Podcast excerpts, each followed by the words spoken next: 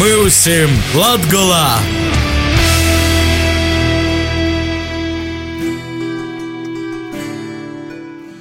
Vasarī pie mums Latvijā. Kā jau īrasts arī šodien, tamā laikā, jūsu uzmanībai tiek pīdāvots producentu grupas Lītišķo Latviju veidotīs iknedēļas radioraidījums pie mums Latvijā. Ar jums kopā esmu Astenis Bikovskis.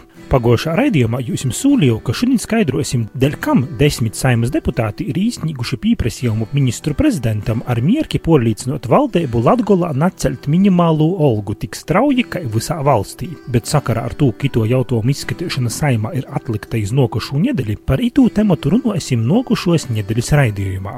Savukārt šodienas raidījumā par Latvijas reģionu aktuāliem jautājumiem izvaicošanu Latvijas vēlēšanu apgabala saimā ievēlētu deputātu Joni Trupovnīku, kurīs porstov zaļūsi zemnieku savīņēbu. Jonis Trupovnīks šobrīd ir arī veselības ministrijas parlamentārijas sekretārs. Vārojam, vaicājam, vērtējam! Truponīka kungs, mēs ar jums raidījumā, jums Latgulā runājam gadu atpakaļ. Kas ir tas, ko jūs strādājot uh, saimā, ja arī strādājot uh, veselības ministrijā, ir izdevīs izdarīt? It sevišķi Latgulas reģiona labā, no kura jūs esat ievēlēts. Mums jau saimā strādājot, īstenībā skats ir vērsts uh, nevis šauri, pieņemsim, vai uz kurzemi, vai uz latgali, bet patiesībā uz Latviju. Es domāju, ka pagājušais gads bija labs ar to, ka tika pieņemts Latvijas speciālās ekonomiskās zonas likums. Bija tas, ka attīstījās uh, un kļuva spēcīgākas mūsu gan Rēzeknes, uh, gan Daugopils augstākās mācību iestādes. Visu laiku iet runas par speciālā ceļu fonda atjaunošanu un par investīciju programmas atjaunošanu. Patiesībā šogad tika pieņemti divi labi lēmumi. Vieni, kas skar ceļu uz ceļu programmas atjaunošanu, Tas ir, ka patiesībā valsts nozīmes, vietējās nozīmes ceļiem tika uz nākamo gadu paredzēti papildus 25 miljoni eiro.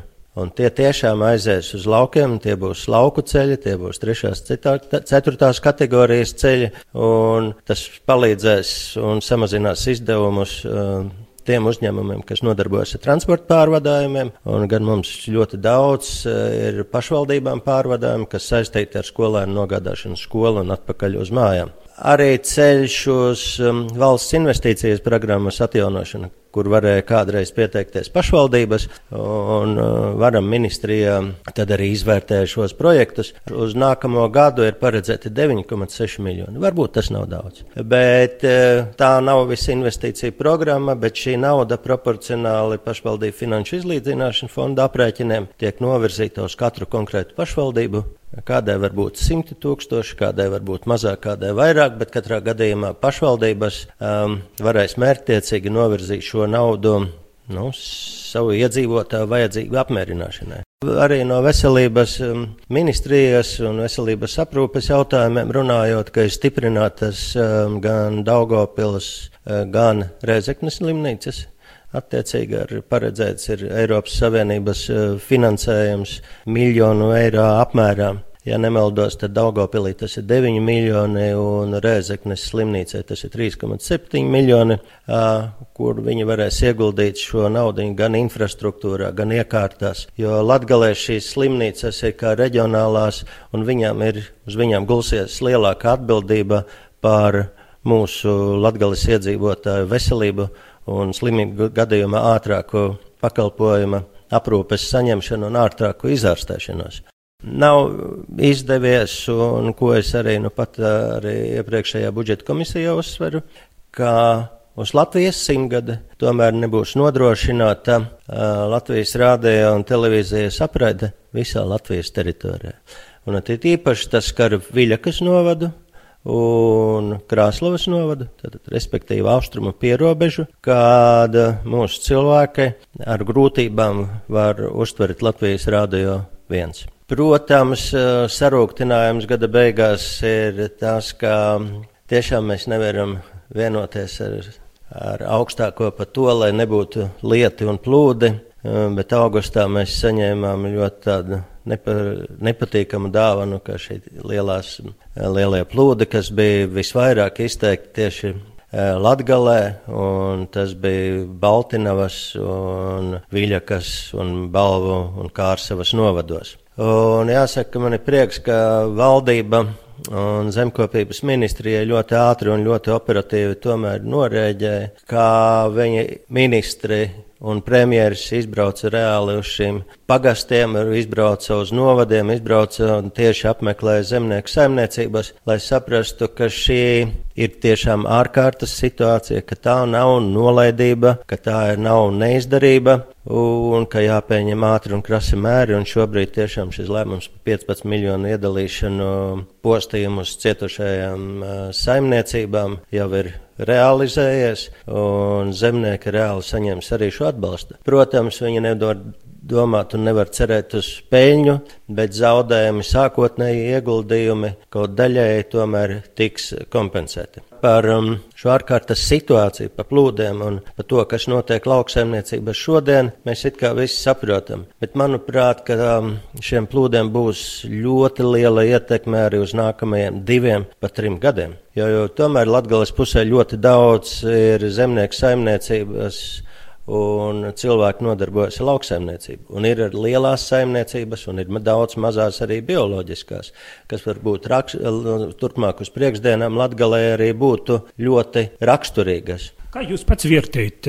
šai kompensāciju summu apjoms ir pieteikuši adekvāts, ar tas bija maksimums, ko varēja dabūt? No esošā budžeta tas bija maksimums, ko varēja izspiest. Bet, ja varbūt um, paskatāmies kādā neilgā pagātnē, vai tas skāra, teiksim, Pareks banku, vai tas skāra Lietuvājas metalurgu, tad šīs atbalsta schēmas un summas bija krietni lielākas. Uh, un tad ir jāsaka, ka mēs īsti pat nevarējām valsts izsekot līdzi, kā šīs summas um, šie ieguvēji izlietoja. Tad šeit pat šie 15 miljoni būs uzskatāms atbalsts, lai nebankrotētu saimniecības, lai nākamgad pavasarī tomēr atkal būtu sēja un rudenī varētu nokult labību. Un ģimenes varētu izdzīvot un attīstīties tālāk uz priekšu un bērnus sko sūtīt skolā. Vienmēr gribētos vairāk. Jūs esat arī veselības ministrijas parlamentārijas eh, sekretārs. Kā jūs vispār vērtējat veselības budžetu nokušajam gadam? Ja mēs ņemam, ka valsts budžets ir 8,9 miljardi lielos skaitļos, tad veselības ministrijas budžets ir 1 miljards. Un, ja tā parēķinām, tas ir viena devītā daļa no valsts kopējā budžeta. Veselības ministrijas eh, budžets 18. Eh, gadā pieaug salīdzinoši ar 17. 17. gada budžetu par 200 miljoniem eiro. Un tā ir liela summa, tā ir uzlikta ļoti liela atbildība, lai mēs tiešām izdarītu reformas, varbūt divās daļās tas būtu. Viens tas būtu uz pakalpojumu pieejamību, un kvalitāte, jo mēs visi zinām, cik ilgi ir jāgaida uz izmeklējumiem, uz pieņemšanu varbūt pie ārsta, kādas bija iepriekš problēmas onkoloģijas slimniekiem. Tad pie šīs sadaļas ir arī klāt vārds kvalitāte. Mēs visi gribam iejūtību, mēs gribam ātrāku izveseļošanos un kvalitāte. Un otra sadaļa no šīs lielās naudas, tas ir aptuveni 80 miljoni eiro, ir paredzēti ārstu, māsu, māsu palīgu algu pieaugumam. Kāds konkrēti labums Latgulai, Olgas ceļas Latgulas mediķim? Uh, jā, tieši tā. Ambulatorajā strektorā strādājošiem ārstiem augu pieaugums būs 31%, bet tie, kas strādā slimnīcas, tātad stacionārā veselības aprūpē, algu pieaugums būs par 80%. Es domāju, ka procentāli tas ir lielas summas. Pieaugot algām ārstiem, māsām būs jāsaņem 60% no ārsta pamatlikmes. Tātad arī māsām pieaug, un 40%, ja nemaldos, tad bija arī uh, māsu palīgiem. Jo ir ļoti katastrofāli trūkst uh, veselības aprūpes iestādēs tieši medmāsu. Un tas dos iespēju arī neaizbraukt, jeb apturēs to procesu, ka ļoti daudzi ārsti un arī medmāsas izvēlās uh, pārcelties uz dzīvi un strādāt citur, vai tas ir Skandināvijas valstīs, vai tas ir Vācijā. Bet es domāju, nav neviena cilvēka tāda, kurš ja pie pienācīgi novērtota un pienācīgi atalgota darba, viņš nedosies no valsts projām, tad mēs saglabāsim arī šo mediķus, kas ir inteliģences pārstāvi tomēr laukos, kas mums ļoti svarīgi un ļoti būtiski. Tomēr veselības ministrē jau nokušgot, porplānojot veselības aprūpes organizēšanas un finansēšanas kārtību, pārādz būtiskas izmaiņas slimnīcos asūšajos dīnas stacionārūs. Izmaiņas skaršot nalalos slimnīcas, kuramos dīnas stacionārā vairs nedrīkstiešot veikt noteiktas medicīniskas procedūras un manipulācijas. Mozos slimnīcas to uzskata par vēl vienu sūli tuvāk sliekšanai, bet Lelī medicīnas centri saredz pacientu rindu veidošanos īspējas. Itu veselības ministrijas īceri šonadēļ Latvijas radio viļņūs ir kritizējis arī Ludzas medicīnas centra valdes priekšsādātojs Jūras Atstupens, uzskatot, ka plānojot izmaiņas dienas stacionāra darbībā, neviens nav padomājis par to, ka lauku cilvēks nokļūs iz reģionālu slimnīcu, lai tī veiktu nanozīmīgu operāciju. Ika neļaujot ķirurgim operēt dienas stacionārā, ļoti iespējams, ka speciālisti vienkārši vairs negribēs strādāt mozajos slimnīcos, jo ārstu pieejamība mozokajos novados kļūs vēl švakoka. Itū situāciju tad lūdzu arī komentēt saimas deputātam veselības ministrijas parlamentārajam sekretāram Joņam Trupovnīkam. Redzēt, arī dzirdot um, cienījumā Jura Atstupena, teiksim, uh, šo interviju Latvijas rādio, jā, viņam var piekrist. Bet um, ejot ceļā uz kvalitāti, uh, ejot ceļā uz to, lai mazinātu dažādus riskus, um, ir ļoti nopietni jā, uh, jāizvērtē, ko katra konkrēta medicīnas iestāde vai slimnīca var sniegt. Um, jā, pašlaik notiek diskusijas par to, kādas manipulācijas varētu veikt dienas stacionārā, un tas skar varbūt ne tikai Ludzas uh, slimnīcu, bet arī daudzas citas pirmā līmeņa un dienas stacionāra aprūpas veselības iestādes, kad būs jāizvērtē, kāds ir tehniskais nodrošinājums, kāds ir ārstu nodrošinājums, vai dienas stacionārs tas ir atnācis pie ārsta dienas laikā, tev veids kaut kādu procedūru vai nelielu operāciju, un principā tev vakarā ir jādodas mājās.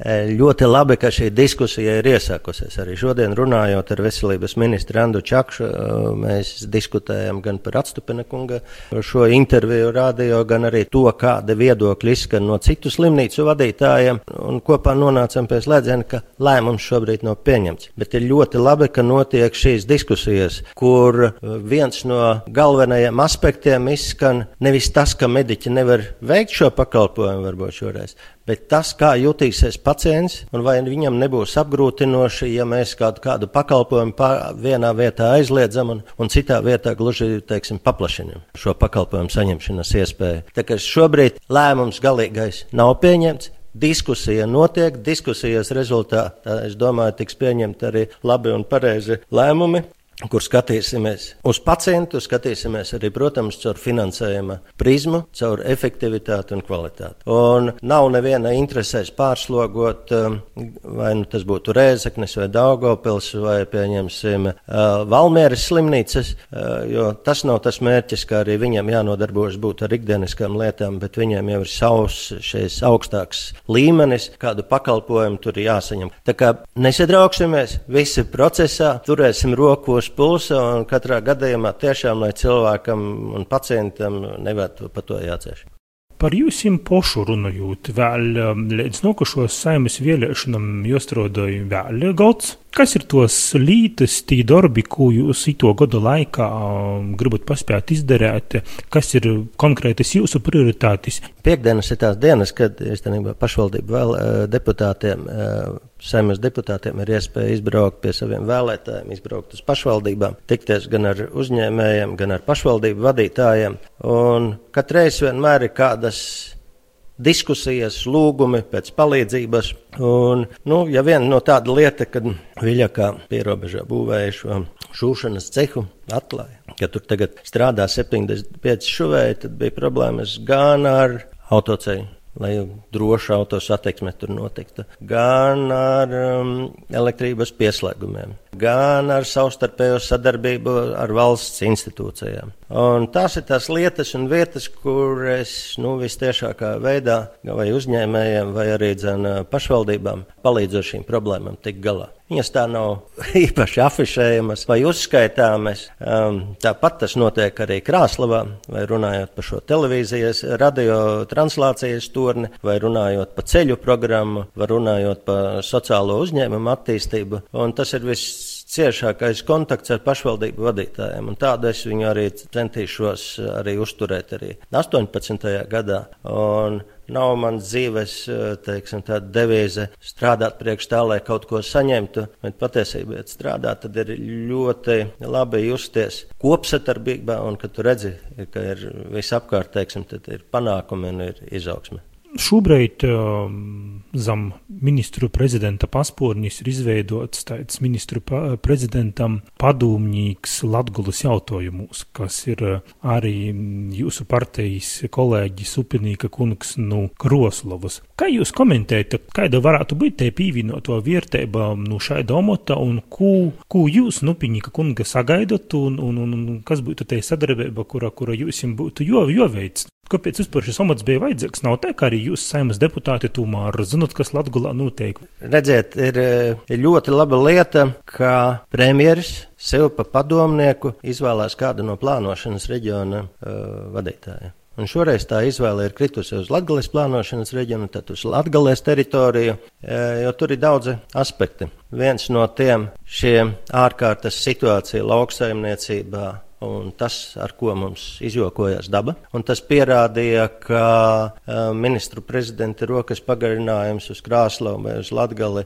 upenieks Gunārs, uh, ļoti labi notika koordinācija. Ļoti labi notika sadarbība ministri, ministru kabinets, pašvaldību vadītāji, lietišķi, raiti, bez liekiem ekscesiem. Nākamā lieta, protams, ka šī ģeopolitiskā situācija vai šīs mācības austrumu pierobežā, kas notiek Krievijai, Krievijai un Baltkrievijai kopsadarbojoties. Tomēr jābūt uzmanīgiem. Tomēr jābūt piesardzīgiem, jo pats sevi sargāsi, tad, eh, tad tu arī izsargāt sevi no dažādām teiksim, problēmām un lietām. Un, un tā ir arī premjeram, tā ir ticība, ka tas nāk tieši no zemēm, ka tas nāk tieši no pašvaldību vadītāja, kuram visciešākais kontakts ir ar vietējo cilvēku, ar vietējām valsts pārvaldības institūcijām, vai tā ir muita, vai tā ir robežsarga, vai tas ir pārtikas veterinārais dienests, vai tas ir valsts ieņēmuma dienests, eh, vai nodarbinātības valsts aģentūra aģentūra. Un daudzus lēmumus var pieņemt Rīgā un domāt, ka viss ir ok, bet kā viņi reāli darbojas dzīvē. Un tad šie pat nevis kļūdas, bet iespējami ieteikumi, uzlabojumi, viņi daudz ātrāk ir realizējami, kad bez starpniekiem, teiksim, šīs ziņas savstarpēji tiek nododas. Viennozīmīgi uzskatu, ka tas ir ļoti labi pirmkārt valstī, ka ir šāds padomnieks. Neapšaubām, ka arī latgalē, jo tā latgales nevis sāpeli, bet latgales dzīve, latgales ikdiena, latgales Latvijas uzņēmēja darbības problēmas tiks tiešajā veidā noziņotas premjeram. Un es domāju, ka arī Upanieku kungs ļoti sadarbosies arī Latvijas pašvaldības savienības vadītāju Gintu Kaminski un šīs pašvaldību koordinācija un pašvaldību tiešais zvans uz premjera biroju būs laikā, sadzirdēts un būs arī rīcība. Nokušgot uh, saimas vēlēšanas, bet um, ko jūs varat pastāstīt, kā jūsu partija gatavojas saimas vēlēšanām, vai jau ir kaut kāda aizmetņi, vai jau var runāt par kaut kāda veida komandu varbūt Latgolā?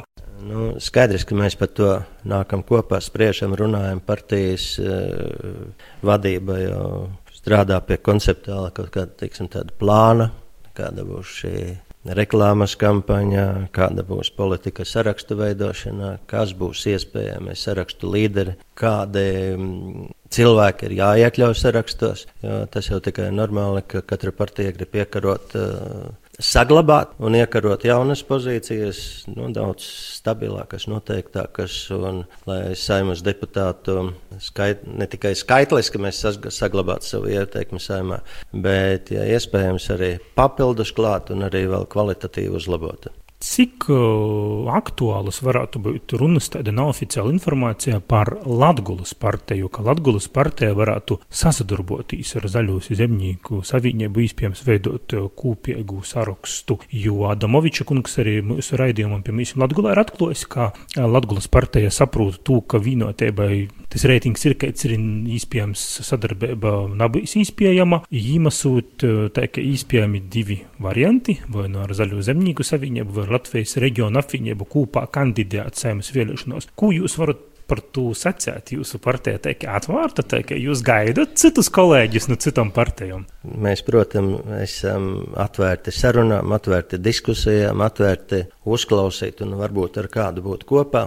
Bet es gan aicinātu gan vēlētājus, gan arī varbūt jauno un mazāko partiju partijās darbojošos politiķus eh, no tā ar veselu saprātu īstenībā padomāt, vai sīkpartijām Latvijā ir nākotne. Vai labējo partiju sadrumstalotība ir kaut ko veicinājusi? Es domāju, ka nē, drīzāk tās ir nepārtrauktas domstarpības, un šobrīd jau fundamentāli veidojās nu, teiksim, Zaļo un Zemnieku savienība veidojās otrs, teiksim, tāds politiskais bloks, manuprāt, partija, tas ir reģiona partijas. Ir fundamentāla partija, Nacionālā apvienība, Tēvzem brīvība, LNK. Ceru, ka otro elpu atgūs arī vienotība. Nu, tie ir tie lielie um, ziloņi, uz kuriem droši vien tai valsts politikai būtu jāatbalstās. Par, nu, šobrīd runājot par labējām partijām. Un tad reizēm liekas, ka šo reģionālo mazo partiju teiksim, politiķi mēģina nu, tā skatīties. Šodien man ir labi ar vieniem, nu, rīt man būs labi ar citiem. Protams, šie politiķi, kā piemēram Lāčplēsis, Sadamovičs, nu, izteikti un redzami, un viņi būtu labi sabiedrotie. Bet vai šādas sarunas ir bijušas? Vismaz neoficiālas. Neoficiālas ir bijušas, sarunu rezultāts viss vēl ir procesā. Un, dažs lēmumi, gala lēmumi droši vien nav vēl pieņemti. Ja, viņi būtu pieņemti, tad uh, žurnālisti, radio, televīzija noteikti to arī zinātu. Bet uh, šobrīd tas viss ir procesā. Jūs savulaik bijat um, tāvzemīts, ja tāvzemes brīvības porstovis vēl pirms neizveido Nacionālo apvienību. Uh, Dar ko jūs pats no nu, tāvzemīšiem pīzeslēt um, zaļus zemnieku savienībai? Gribu teikt paldies tiem kolēģiem, Tēvzem brīvībai, LNK, ar kuriem es biju kopā turpat desmit gadus. Mēs daudzas labas lietas izdarījām gan valstī, gan arī konkrēti Latvijā, un, un Balvos un Balvu rajonā.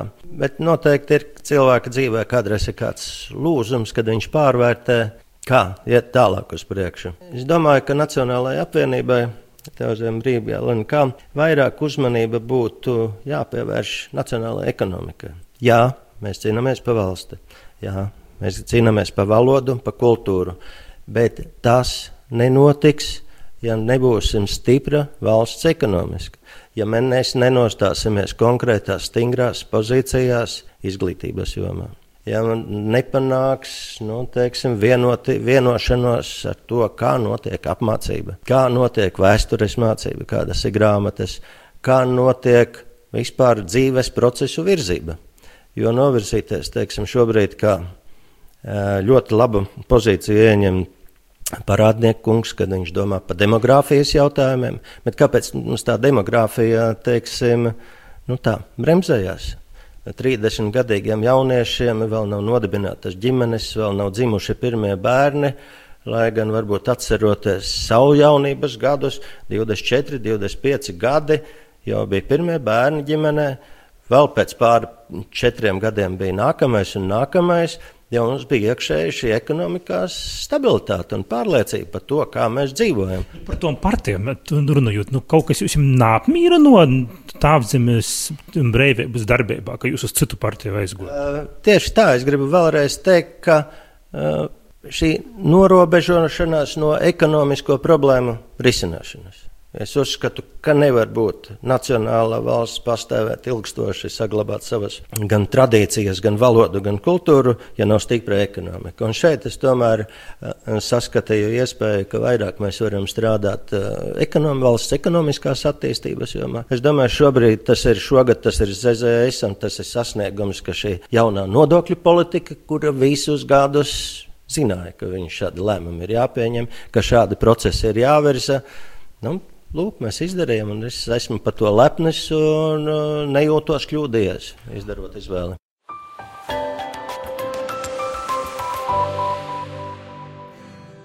Paldies par sarunu. Šodien saku saimas deputātam, veselības ministrijas parlamentārajam sekretāram Joņam Trupovņīkam, bet raidījumu pirmīsim Latgolā turpināja Laura Sondere Strode ar Latgolas ziņom eisumā.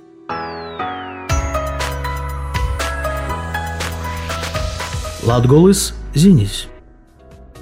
Bijušais Daugopils pilsētas domas priekšsēdētājs Nulējais domas deputāts Jons Ločplēs būtu gatavs kandidēt uz ekonomikas ministra amatu uzņemtīs itūs pienākumus. Lai arī ekonomikas ministra amats oficiāli man pagaidam gan nav ticis pīdovots, gribētu dasacētīs itos iniciatīvas autorim. Tas droši vien ir arī savu veidu novērtējums manam iepriekšējam darbam pieredzēja sacēločplēs. Domāju, ka porzināja daudz vaicojumu problēmu, kuras ir steidzamai jorisināja arī ekonomikas ministrijas poraudzībā esošajā lauciņā uzsvēra Ločplies.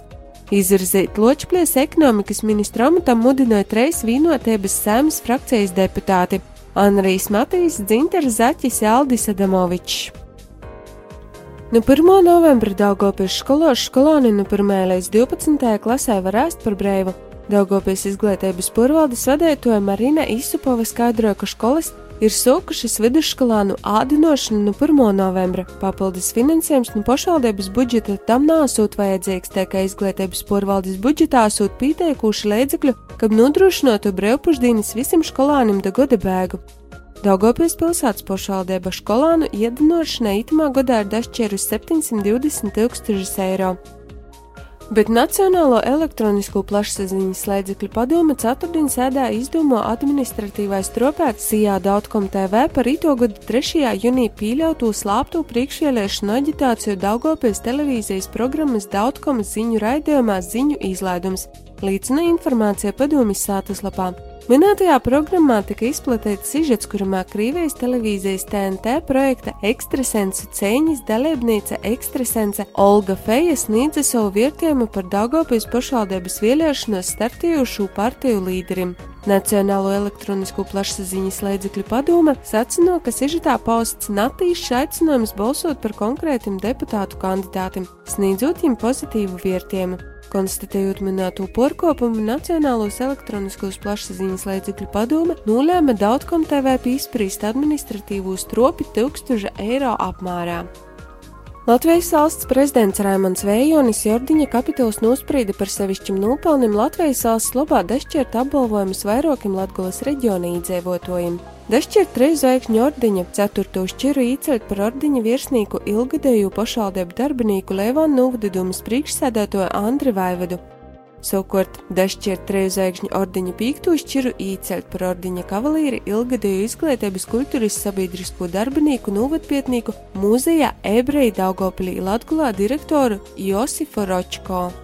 Savpus vīsturu ordeni nulemts dešķirt valsts robežsardzes Ludzes porvaldis robežkontroles imigrācijas kontroles dienesta kinoloģijas nodaļas priekšniecē majorei Dainai Stucerei. Savpus apbalvot ar vīstura ordeņa pirmos pakopes zeltētu gūda zemi nulemts valsts robežsardzes Ludzes porvaldis pasīnis robeža apsardzības nodaļas inspektoru virsnieku vītnieku Valēriju Troņinkovu. Savpus atzinības Kristusēmas Daugopils Universitātes asociētais profesors Zenons Indrikovs. Augstos valsts apbalvojumus pasniegs 18. novembrī svinīgā ceremonijā Reigas pilī.